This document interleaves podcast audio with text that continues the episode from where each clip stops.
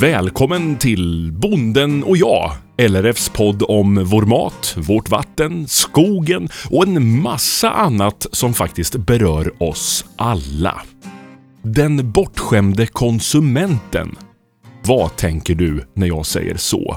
Är du kanske själv en bortskämd konsument som förväntar dig långt mer än vad du faktiskt borde där du går i butiken och fyller din kundvagn? Anna-Karin Landin, du är matkonsult på Hushållningssällskapet i Örebro. Hej! Hej och hallå Mattias! Hej, hej! Vad tänker du när jag säger den bortskämde konsumenten? Ja, jag tycker vi är fruktansvärt bortskämda. Vi förväntar oss att ha all mat precis när vi vill äta den. Om det är, vi vill ha färska jordgubbar oavsett årstid, oavsett sådär. Eller vi vill ha fisk oavsett om det har varit storm ute på havet och det inte har varit en fiskare ute så ska vi självklart ha färsk fisk på det här. Det har gått fort det här att, att vi blir, är på det här sättet. Vi, vi matas hela tiden med i fina råvaror hela tiden. Och det är lite spännande kan jag ju säga. Ja. Eh, 2017 så, så fick eh, Sverige en livsmedelsstrategi. Och ett land utan en livsmedelsstrategi är ett fattigt land. Så det var verkligen på tiden att vi liksom fick en livsmedelsstrategi. Samtidigt så blir jag orolig när jag ser det här med livsmedelsstrategi. För eh, det blir väldigt många permar med väldigt mycket bra meningar och ord som är jätteviktiga. Ja, jag, skulle, jag skulle fråga dig, vad, vad är en livsmedelsstrategi? Det låter som permar i en hylla. Och det, jag är lite rädd att det, att det inte blir verkstad utav det här med livsmedelsstrategi utan det, att det verkligen händer någonting. Men vad som är meningen med en livsmedelsstrategi är ju att det ska bli ma, att eh, matproduktionen ska öka, att självförsörjningsgraden i ett land ska öka. När jag gick min utbildning för, det är ju många år sedan, men eh, eh, så var, hade vi en för, självförsörjningsgrad på någonstans mellan 80 och 90 procent eh, och kanske mer till och med på, vad, beroende på vad det var för olika saker. Idag är vi nere någonstans på 40-60 procent beroende på vad det är för saker. Någon, no, någonting är vi, morötter tror jag vi är självförsörjande på. Då pratar man om landet Sverige, hur mycket vi kan förse oss själva med mat. Är det det som menas med självförsörjande? Precis. Då, då pratar vi landet Sverige. Och så har vi lärt svenska folket att det som, är, det som är bra och gott och vackert det är ju den färska råvaran. Ja, Det tycker ju både du och jag att det är. Att gå och handla färska grönsaker är fantastiskt glittrande och ja man, doft. man klämmer lite på allt och känner att det är fast och fint och att det inte är för gammalt. Ja. Och så kommer nästa kund och klämmer lite till och så kommer sista kunden och då är det sönderklämt och då får vi slänga det för att ingen vill ha sönderklämda saker. ja, den köper vi inte, jag håller med dig. Nej, så det är ju liksom lite så här. Men det här innebär ju att om nu det värsta skulle hända, säg att vi får ett liksom Eh, den här stora coronasjukan eller att vi får ett solstorm eller vi får liksom ett krig eller en kris som gör att vi blir avskärmade i landet. Så vet vi att våra stora, de här gigantiska butikerna, de har, de har, de har mat ungefär för två, tre dagar på sina hyllor. Sen är det slut i butikerna. Våra storhushåll på skolor och dagisar och sjukhus, de har mat kanske för två dagar i, i sina förråd. Sen måste de ha påfyllning. Och kommer ingen påfyllning då blir det ingen mat. Nej. Och då kommer nästa sak. Om vi ska ha ett, ett krisförråd då blir det ju konserver, konserver. För frysmat kan vi ju inte ha för då måste vi ha el. Mm. Och om man ska ha sådana här, såna här förråd så måste man ju ha omsättning på förråd. Och då tänker jag så här, vem i fredstid vill äta konserverad mat? När vi har lärt oss att äta den här färska maten som vi vill ha oavsett årstid, oavsett tid på dygnet. Vi vill ha det nu direkt. Ja, det, det är en burk champinjoner på sin höjd som man öppnar ibland, i alla fall jag. Nej, det gör inte jag. För jag har en sån fantastisk champinjonodlare precis i min närhet i min kommun. Och så, jag säger att jag har aldrig ätit champinjoner för jag fick äta hans färska fina champinjoner. Men har han det på vintern också? Han har en inomhusodling som Ja. är dygnet runt och hela tiden. Men du, du pratar om det här med om det kommer ett krig eller en solstorm eller en, ett virus. Alltså, kan man gå och tänka så? För att det har ju inte hänt på... Ja, när hände det senast i Sverige? Ska vi gå och tänka den tanken för att inse att vi är bortskämda? Nej, men jag tycker man ska tänka så här. Om vi tittar på Frankrike. Mm. Så de, de är ju väldigt, väldigt noga med sina producenter. Om jag kommer till en landsända i, i Frankrike där man inte producerar en, en råvara som jag tycker att jag vill äta. Då tittar de på mig som jag är från en annan planet och säger så här, men det är, det är inte säsong för det och den har inte vi utan då får du åka ut till den och den orten eller åt det hållet för där finns den. Alltså det, det är ju ett annat tankesätt det här att ha nära till sina producenter, att veta veta varifrån maten kommer.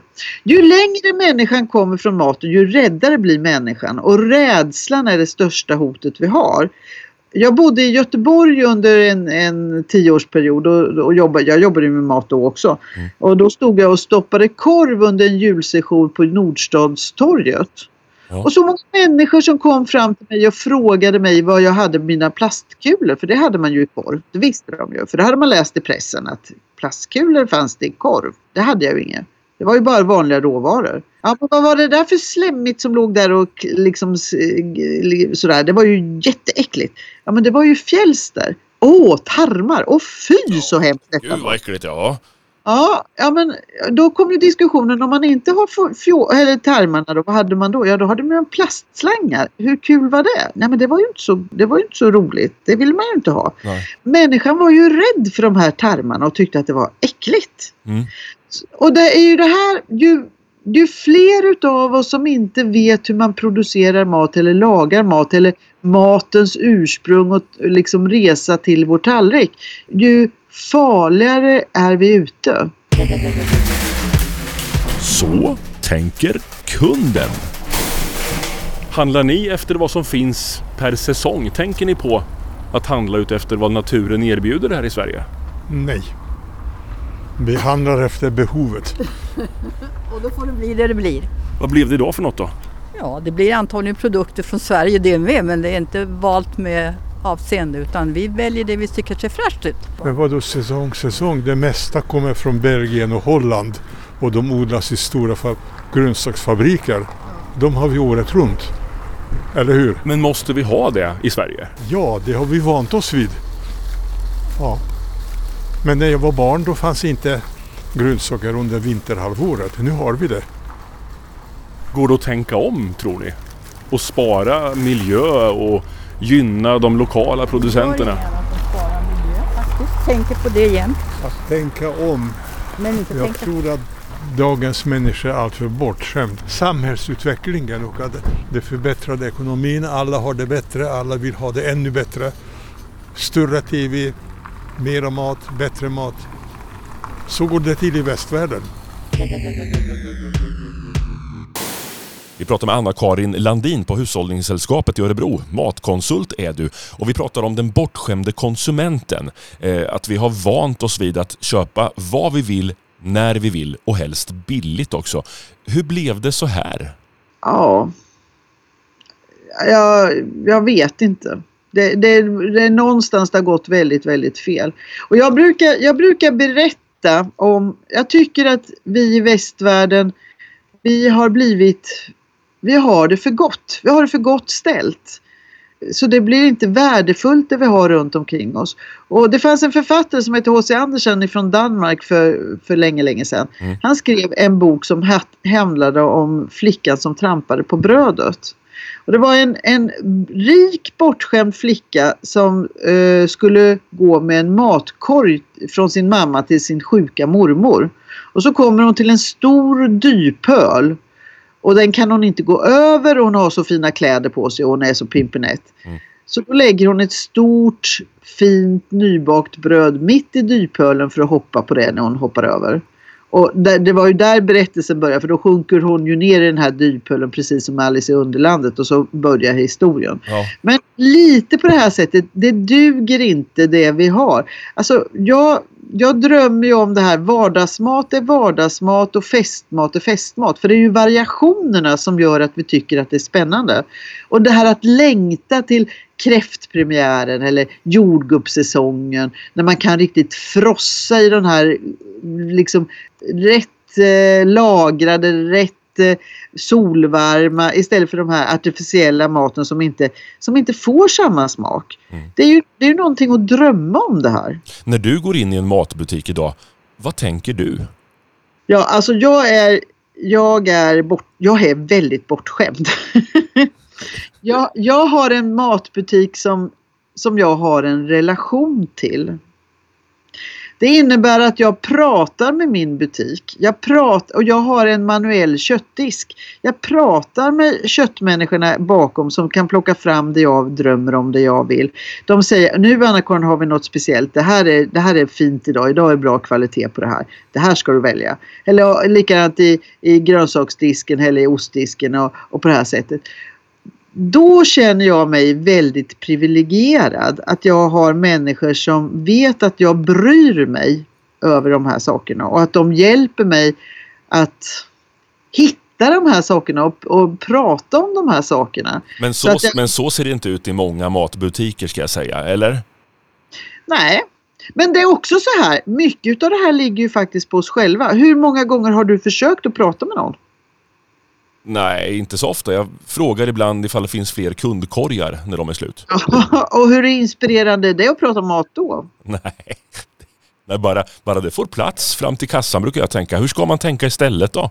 Jag tänker ju så här att om, du, om man skapar sig en jag menar jag har ju handlat i den här butiken under många, många år. Sen, har, sen har jag ju handlat på fler ställen självklart också.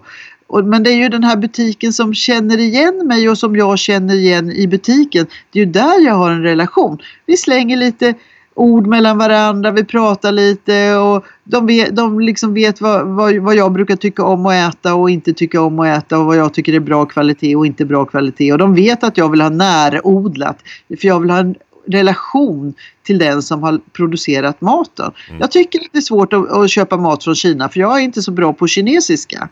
Eh, däremot så är jag rätt bra på att prata svenska. Ja. Men du, nu skulle butiken ha varit här och kunnat berätta om hur de tänker ekonomiskt. För jag förstår att den här idén du pratar om, den är fantastisk. En mindre butik, du pratar med eh, styckmästaren och du får dina varor som du vill ha. Men samtidigt måste det gå runt ekonomiskt och jag kan väl tänka mig att de här stora butikerna vill tjäna pengar. Därför har man mycket av det kunden efterfrågar. Hur får man ihop det här tror du? Ja, men alltså den här butiken är inte sådär jätteliten som jag handlar utan den är rätt stor. Eh, men jag har ju pratat med butiksägaren massor med gånger och berättat att han ska vara så rädd om den kunskapen som de här charkpersonerna har där inne. För de är guld värda, för det fattas människor. Det kommer fattas fruktansvärt mycket människor inom mat och matindustrin. Här. Jag menar, jag har hört siffror på 40 000 kockar inom eh, restaurangnäringen. Det fattas inte mindre människor i storhushållen eller inom förädlingsindustrin eller, eller eh, i butiksdelen som kan mat, som är, har en utbildning och kunskap om det här. Och det här är en fara vi har.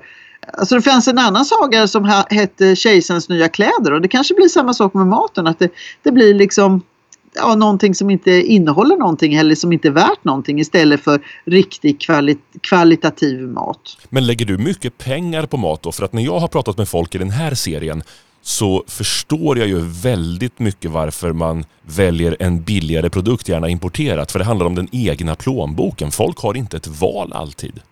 Nej. Alltså, jag kan väl säga så här, nej, ja och både ja och nej. För jag liksom, vi har väldigt mycket vardagsmat och den är inte sådär, den är ju inte sådär, alltså vardagsmat är vardagsmat. Eh, så, och sen har vi festmat och då är det fest. Men vi lägger tid på mat. Mat måste få ta tid. Och sen är jag utav den uppfattningen att mat också måste få kosta pengar. För är den för billig så är det någon som får stryk utav det. Antingen är det jorden som får ta stryk av det eller producenten som inte får betalt på rätt sätt eller liksom mellanhänderna som inte får, får det på rätt sätt. Eller får jag en dålig produkt. Så det här det är alltid någon som får betala priset för, för alla de här sakerna. Det, det, ska man ha klart för sig. Men det är ju inte alla som har råd. Om man går in i en butik och ser att det finns eh, någon närproducerad vara, närodlat, och så finns det en vara som i alla fall ser likadan ut men som är importerad. Det kan ju vara halva priset som skiljer. Absolut, ja, jag förstår precis vad du säger. Men då har vi ett annat, jag skulle vilja göra ett paradigmskifte. Jag skulle säga eh, att vi skulle välja kvalitet istället för kvantitet. I västvärlden idag, inte bara Sverige, så har vi ett gigantiskt problem med övervikt och vällevnadssjukdomar. De här, eh, alltså det är ju en hel radda med sjukdomar som är förknippade med det här. därför att vi äter för mycket och vi äter fel. Eh, om vi istället äter mindre mängd men använder samma mängd pengar så kan vi ju faktiskt liksom få bättre kvalitet. Eh, och börjar du titta i människors vagnar så och jag, har, jag köper guldkant jag också så jag, ska, jag, äter, jag äter det också så du behöver inte vara orolig. Nej. Men det, det, är ju, det är ju liksom hur mycket utav min tid och mina pengar lägger jag på guldkanten. All den här skräpmaten som jag säger, färdiglagade maten eller eh, junkfooden som är liksom bara utfyllnadsmat lägger vi hur mycket pengar som helst på. Och tittar du i butikerna så är det ju hur mycket hyllor som helst med det här. Det är bara det att min gamla mamma som är snart 90 år hon, hon förstår inte det här och hon förstår inte vad människor äter och hon kan inte förstå. Varför då för? Jo, hon, hon går aldrig och tittar i de här hyllorna ens en gång. Hon vet inte om att det finns för hon köper aldrig den maten. Nej. För hon köper råvaror. Så hon förstår inte vad vi pratar om när vi pratar om den här färdiga maten som kostar förskräckligt mycket pengar. För det blir dyrt med den maten. Men då är det ju en jättestor fråga, för jag tänker din gamla mamma, på den tiden så kan jag tänka mig att det var andra krav på människor. Alltså det var sällan som båda i hushållet, om man nu är två, jobbade heltid. Och en ensamstående person måste ju nästan jobba heltid för att få det här att gå runt. Och då finns det bara några få timmar kvar på kvällen då det ska läsas läxor och det ska göras allt möjligt. Och så ska maten få ta tid. Det är ju det är ju därför man köper den här snabba varianten, eller? Men då är frågan så här, vad gör du med din tid? Ja men tiden att laga mat är en tid tillsammans när man kan ventilera och prata och diskutera allt, inte bara mat och matlagning utan allt som händer i världen och på jobbet och i skolan och liksom kompisar och livet och kärleken och döden och det är ju där man kan ju göra det här till en upplevelse, själva matlagandet. Och jag, min man brukar ju skratta åt mig och våra söner skrattar ännu mer åt, åt mig. För jag tillhör de här som faktiskt tycker det är kul att gå och handla mat. Jag tycker det är roligt. Jag tycker det är roligt att se olika produkter och, och se liksom möjligheterna vad man ska kunna laga med det och drömma liksom. Alltså, för vi lagar ju, vi lagar ju mycket mat. Men där är vi olika, Anna-Karin. Du och jag måste jag Ja, säga. vi För är jätteolika. Alltså, och, och, när man kommer med bilen och svänger in och parkerar och ska in och handla, vad ska vi äta ikväll? Den frågan, det är det vanligaste jag och min fru pratar om. Och sen ska det lösas inne i butiken. Hur gör man? Ja men så är ju, sån är ju jag med. Alltså det här, vad ska jag, vad ska jag äta nu? Det, är liksom, nu direkt, vad ska jag äta ikväll? Så kan ju jag också tänka. Det, det finns ingen människa som, som inte har det problemet från och till. Även om jag tycker det är kul att laga mat och alltihop där. För, för det är liksom, den, det, det, den frågeställningen är på, på något sätt på en annat plan. Eh, Men det, det finns ju inget land heller som har så många kokböcker som trycks upp varje, varje år. Det är ju hur mycket kokböcker som helst. Och mattidningar och matprogram. Eh, och i, när, när min man är på elakt humör så säger han det är liksom hela världen bara, du bara pratar jobb hela tiden. Och då inbegriper han alla andra som pratar mat. Det är inte bara jag som pratar mat utan alla pratar ju mat och sådär. Men det, det är ju inte så att människor lagar mer mat därför. Så tänker kunden. Har du handlat idag? Jag har handlat mat och choklad och glass. Jag ser det, massor. Eh, brukar ni prata med personalen här inne om vad ni vill ha och så här, fråga var grejerna kommer ifrån? Nej, det brukar vi inte göra. Nej, det brukar vi inte göra. Ja, vi vet ju redan vad vi vill ha. Hur tänker ni var varorna kommer ifrån och hur det har producerats och sådär? Vi försöker tänka på det faktiskt. Kött är viktigt tycker jag. Att det är svenskt. Varför är det viktigt? Ja, men det känns som att djuren har behandlats bättre då. Allt det här andra och grönsaker och sånt då? Ja, det är ju svårt eh, efter säsong. Jag vet inte om det går att få tag på svensk isbergssallad nu till exempel. Utan då blir det några rovor i sådana fall. Och vi vill ju gärna äta samma sallad året, året runt liksom. Så det, då blir det utländskt. Anna-Karin Landin, matkonsult på Hushållningssällskapet i Örebro. Du är gäst i veckans avsnitt av eh, vår poddradio. När du ser dig omkring till exempel i, i grönsaksdisken eller i kötthyllan eller bland alla livsmedel som finns. Hur borde det se ut, tänker du? Nu ska jag berätta en berättelse för dig igen. Ja. För må- jättemånga år sedan så var jag och skulle lyssna på en föreläsning. Det var, i, det var en sån här stor aula som var lite sluttande golv och jag satt väldigt hög, högt upp. Och jag var, jag var tämligen ung och det var egentligen mest äldre damer som satt på den här föreläsningen. Och så rätt vad det var så kommer det in en liten spetig liten kock som promenerar in på podiet där framme. Och så hoppar han upp och sätter sig på bordet och jag bara hör tjusningen när människan, för man får inte sitta på bordet. Nej. Man sitter inte på bord, det gör man inte. Nej. Och där satt den här lille kocken och dinglande med benen. Och så började han prata på bredaste danskan och säga så här. Ja, ni har det inte så lätt här i Sverige. Och då, blev ju, då hörde jag susningen i publiken. Vad, vad säger han? Vad menar han? För det här var ju bara matmänniskor som satt och lyssnade. Ja, så säger han så här. Ja, ni har ju januari, februari och mars och då är det inte så mycket färska grönsaker. Nej, det var det ju inte. Nej. Och då så sa han så här, men då är, det, då är det verkligen upp till bevis till den som håller i kniven vad det blir på bordet. Och så sa han, nu blundar ni och så lyssnar ni på vad jag säger. Nu tar jag fram våran gamla vanliga morot. På en tallrik så grovriver jag morötterna och har en eh, bladpersilja och pressad citron över och, och eh, grovmalen svartpeppar. På den andra skålen så har jag finriven morot med eh, finriven vi, eh, vitkål också och en senapsvinägrett. På den tredje tallriken har jag julienne-stavade morötter eh, som, är, som nästan ligger på isbädd. Och när jag tar en sån stav och knäcker den mot mina tänder så säger det nästan på den fjärde tallriken har jag slantade morötter med, med också mycket bladpersilja och smör, smält smör på. Oh. Se, känner du hur olika de här tallrikarna smakade och vilka olika upplevelser som målades fram framför dig? Verkligen. Den sista lät riktigt god där. Ja, du, jag tycker de låter rätt goda allihopa. Ja, det gör de ju. Och det här var bara våra vanliga gamla morot. Så det, jag menar det här beror väldigt, väldigt mycket på oss som våran fantasi och våran förmåga att, att skapa saker och ting. Och det är inte alla som har. Men vi kanske, vi behöver inte åka och köpa hummer bara för att det ska bli något häftigt. Utan vi kanske ska ta fram våran morot. Hur ska vi komma dit då? Om vi ska lyckas och locka oss vanliga konsumenter till att faktiskt intressera oss för matlagningen och, och rätta oss efter årstiderna.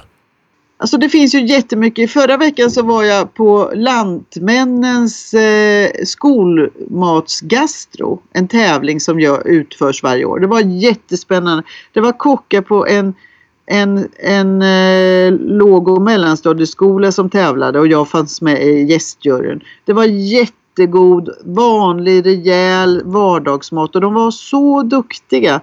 Det finns så många bra exempel på bra människor som gör fantastiska saker för en ringa peng. Den offentliga maten kostar inte många, får inte kosta många kronor. Och det gör så fantastiskt mycket bra mat där ute. Och det är många där. I den här kommunen jag var så har man, så har man politiska mål som säger att man ska ha man ska ha 20% närproducerad mat om eh, tre år. Och det ska vara eh, ekologisk mat och jag menar då blir det ju, då blir det ju säsongsmat. Vad är problemet med att gå in i en butik då som erbjuder allt? Där det finns bra priser och goda maträtter. Det är ju det här att vi som konsumenter är bortskämda. Vi vill ha liksom precis det jag vill ha just nu och, och liksom oavsett säsong, oavsett om det har varit storm eller hagel eller vad det har. Det ska bara finnas. Det är Men liksom... är, det, är det ett problem? Ja, Baksidan är ju att det har ju med nationalekonomi och det har ju med en sån sak som våra producenter. Om vi bara börjar köpa mat från andra länder, hur, så hur ska våra bönder då kunna överleva med den maten de gör? Alltså den största miljöaspekten är ju hur vi producerar maten. En liten del utav miljön är ju också transporten. Den är inte så stor i den, i den stora miljödebatten utan den, sto, den stora delen är ju faktiskt hur vi har producerat råvaran. Men det stora är ju också det här att jag som konsument tappar förmågan att prata med den som har producerat maten. Vad ska du äta för mat idag? Du, igår var jag ute på uppdrag och var, kom hem rätt sent så jag har ingen matlåda med mig så jag får faktiskt gå på jakt ute på stan. Eller? Oj, snabbmat idag eller? Ja, eller te- jag har en, en restaurang här som har väldigt bra husmanskost. Jag tänker nog gå till dem.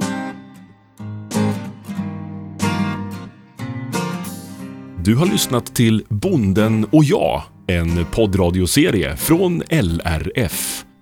För fler avsnitt och intressanta ämnen, klicka dig bara vidare. Jag heter Mattias Lindholm och är programledare och producent för den här serien. Hoppas vi hörs snart igen.